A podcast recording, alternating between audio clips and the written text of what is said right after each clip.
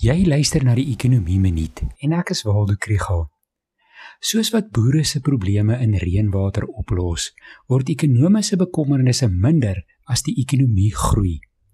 Ongelukkig het die IMF e hierdie week hulle 2021 groeivoorspelling vir Suid-Afrika verlaag. Hulle voorspel dat die ekonomie hierdie jaar met 2,8% gaan groei, nadat hulle verlede Oktober 'n 3% groeikoers voorspel het.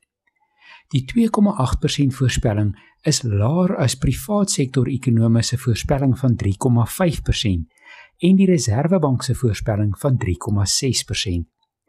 Die IMF skryf hierdie laer voorspelling toe aan die impak wat die inperking het op die toerisme sektor wat 7% van die BBP bydra. As mens dink oor waar groei vandaan kom, kan jy aan die verskillende dele van die totale vraag dink verbruikers, beleggers, die owerheid of die buiteland. Verbruikers is onder druk. Na 'n skerp val in kleinhandelverkope in Maart, April en Mei maand, het dit daarna weer mooi toegeneem.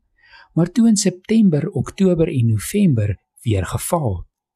Die nuutste data van Bank of Africa wys dat tussen 5 en 10% van werknemers se inkomste negatief geraak is deur die inperking en dit is veral lae inkomste groepe wat verloor het. Beleggers is onseker oor die toekoms en hulle wag met hulle investering.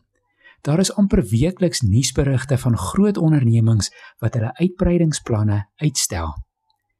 Die owerheid moet staatsfinansies op 'n volhoubare voet probeer kry en hulle beplan om besteding te sny en belasting te verhoog. Ons enigste hoop vir groei is uitvoer en dit lyk belovend. In China lyk groei vooruitsigte goed na suksesvolle inperkingsmaatreëls. Die FSA, Japan en die ekonomieë van ons Europese handelsvennote herstel ook sterk omdat hulle regerings geld het vir stimuluspakkette en omdat mense optimisties is oor die sukses van hulle inentingsprogramme.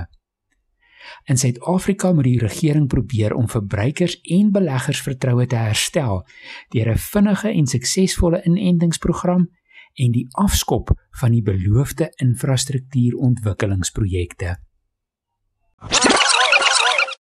As jy meer van die ekonomie wil leer, volg die ekonomie blok.